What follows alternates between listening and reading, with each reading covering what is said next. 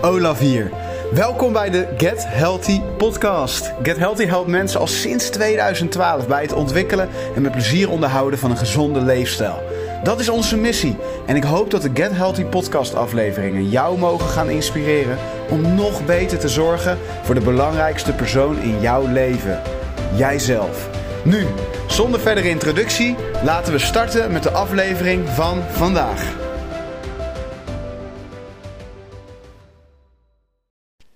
Hey, Olaf hier. Welkom bij aflevering 3 van de Get Healthy podcast.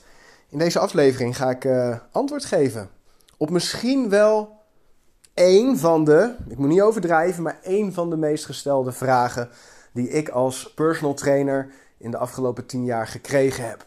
En die vraag komt vaak van mensen die net beginnen met uh, een stukje fitness, of dat nu onder begeleiding is of wat meer zelfstandig. Maar eigenlijk ja, bijna allemaal hebben ze wel dezelfde prangende vraag.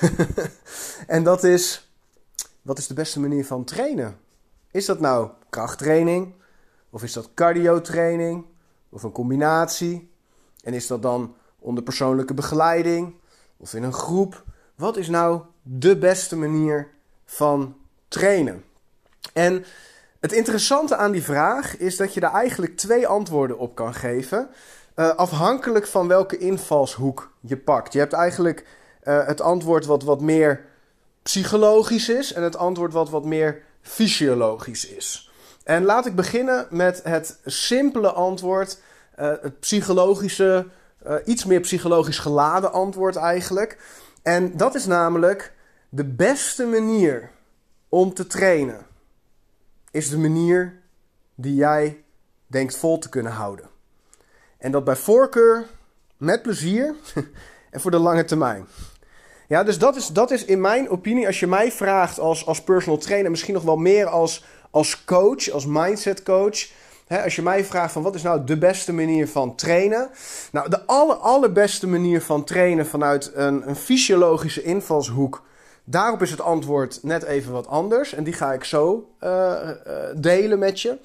Maar vanuit een, een psychologisch uh, standpunt, zeg maar, zou je kunnen zeggen: oké, de beste manier van trainen is de manier die ik ga volhouden. En waarom?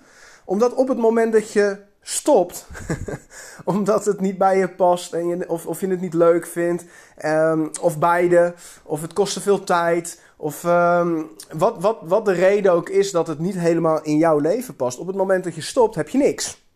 Ja, dus dan was er misschien wel een manier die je 10 of 20 of 30 procent meer progressie had gegeven op, op misschien wel maandbasis of jaarbasis.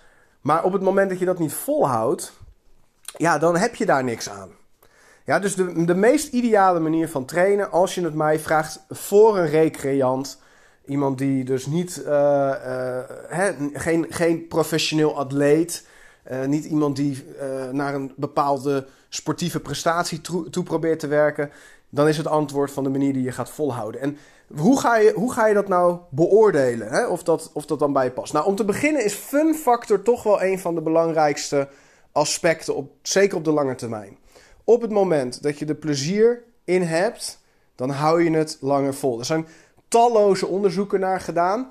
Ondanks dat je misschien denkt van nou, dat is redelijk voor de hand liggend. Toch zijn er talloze onderzoeken naar gedaan op verschillende levensvlakken. Dus natuurlijk niet alleen op het sportieve vlak, op verschillende levensvlakken. En keer op keer op keer op keer zie je dat de fun factor, het plezier hebben, of dat nou in je werk is of in je relatie of in een stukje persoonlijke ontwikkeling en een opleiding, whatever.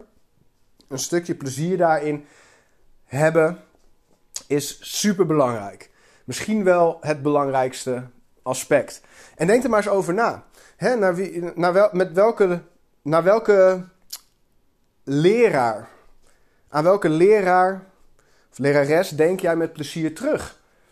Was dat de leraar of lerares met de meeste kennis? Of was dat de leraar of de lerares met de meeste humor?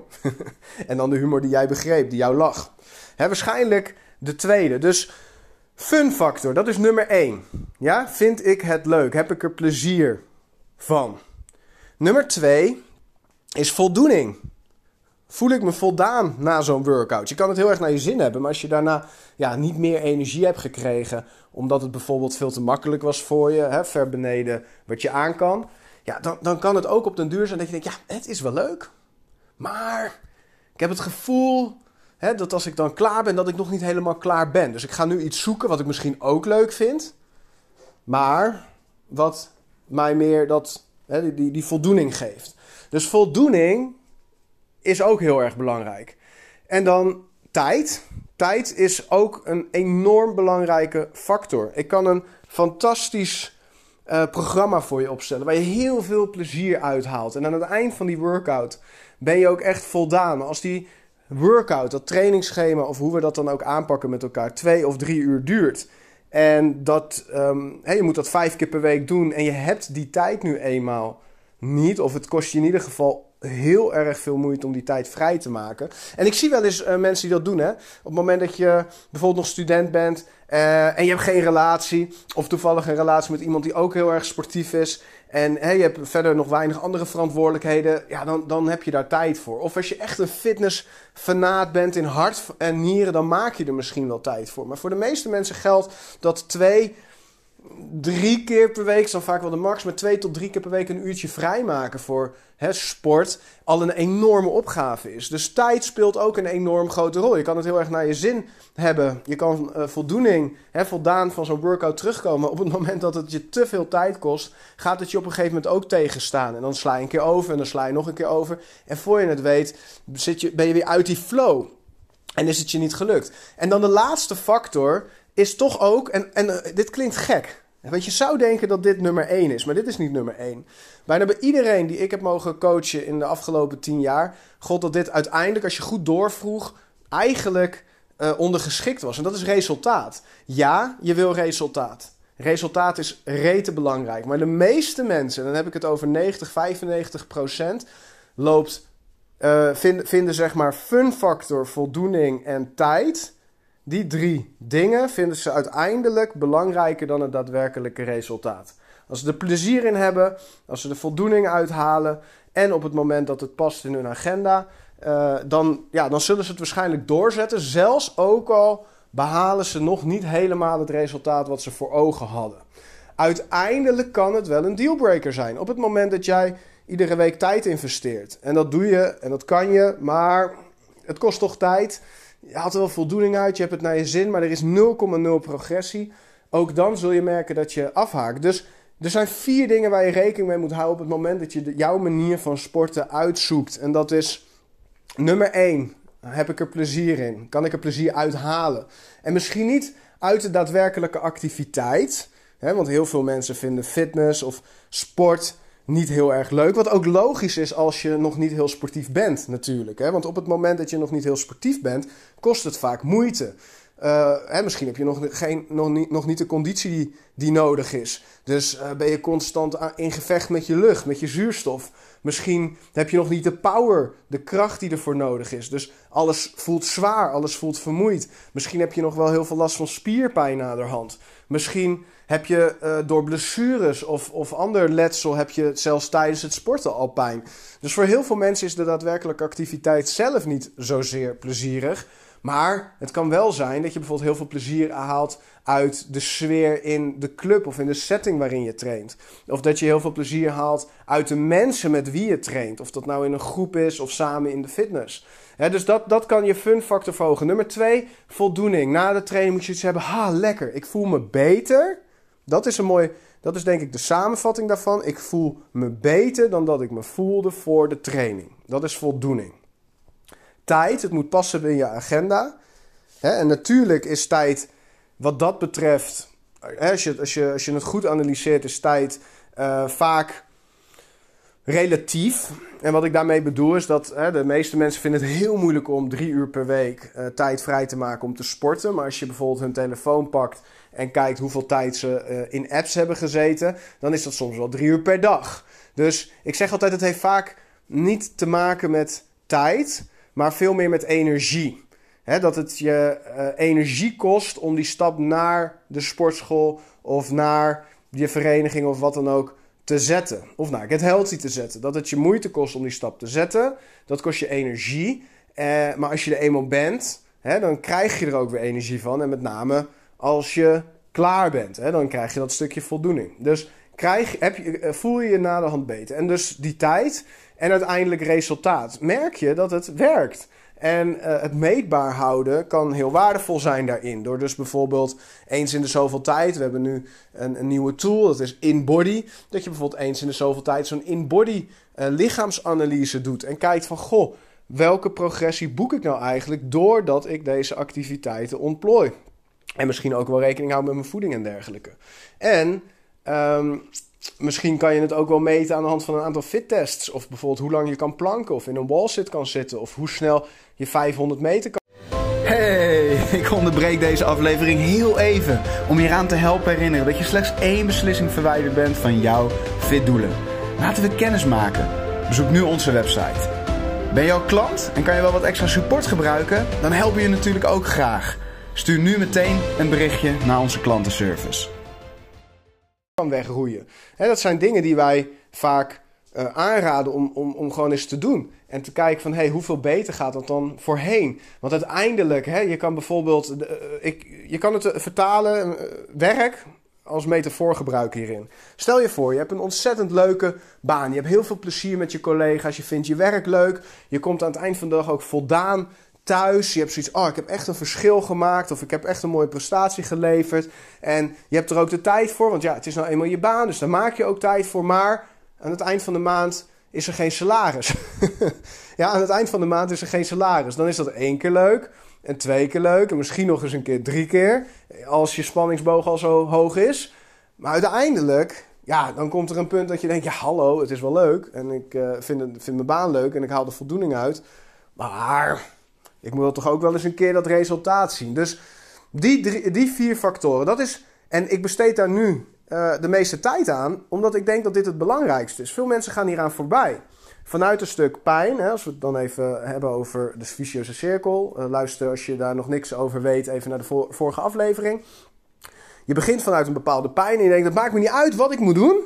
Vertel het me maar. Ook al is het tegen heug en meug, ook al strijkt het tegen alles wat bij me past in. Kom maar op, ik wil nu veranderen.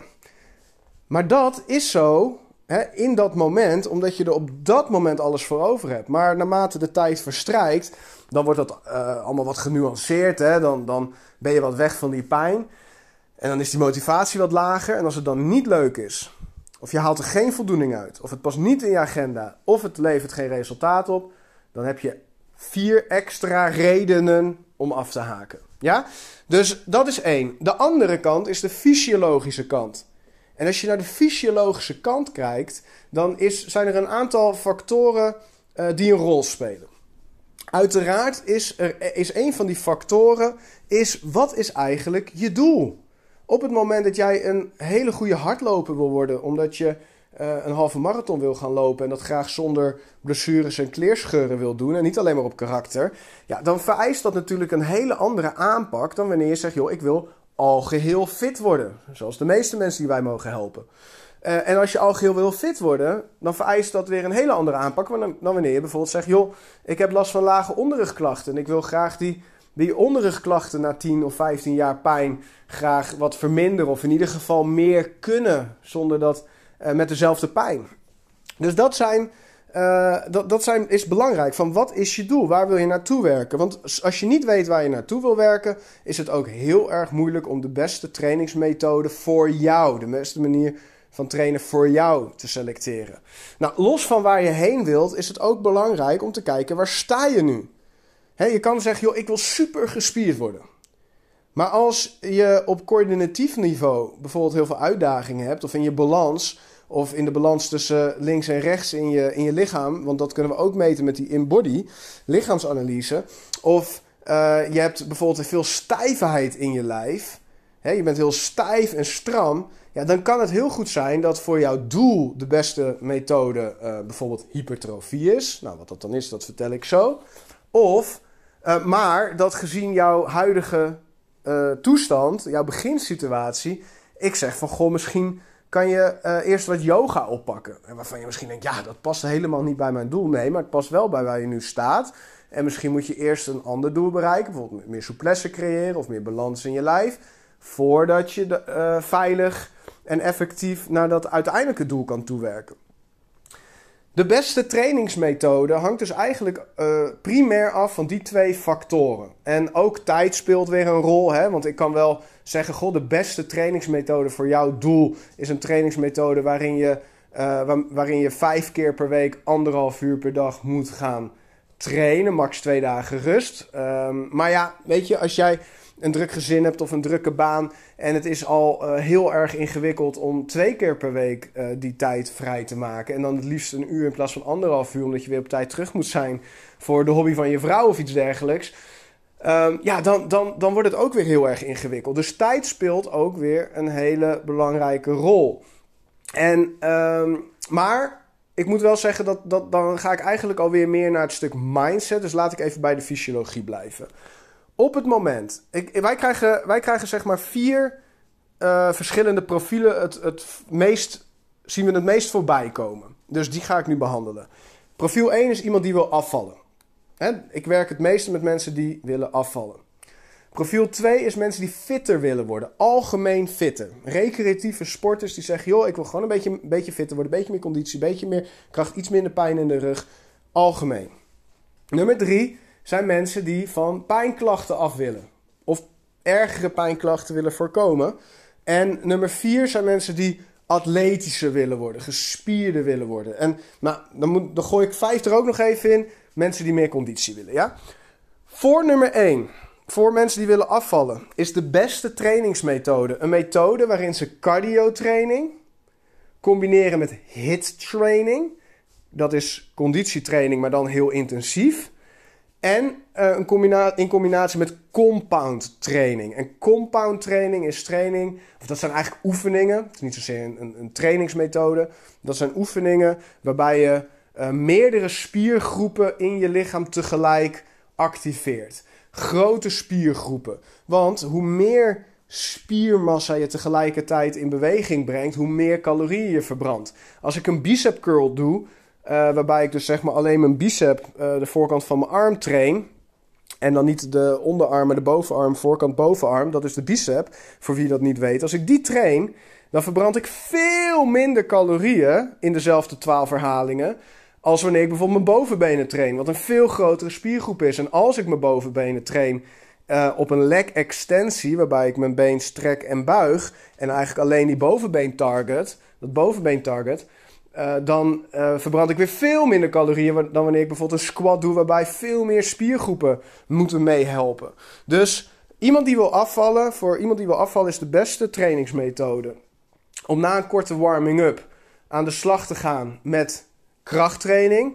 Stuk of zes oefeningen. Een keer of 15 herhalen. Drie setjes van 15.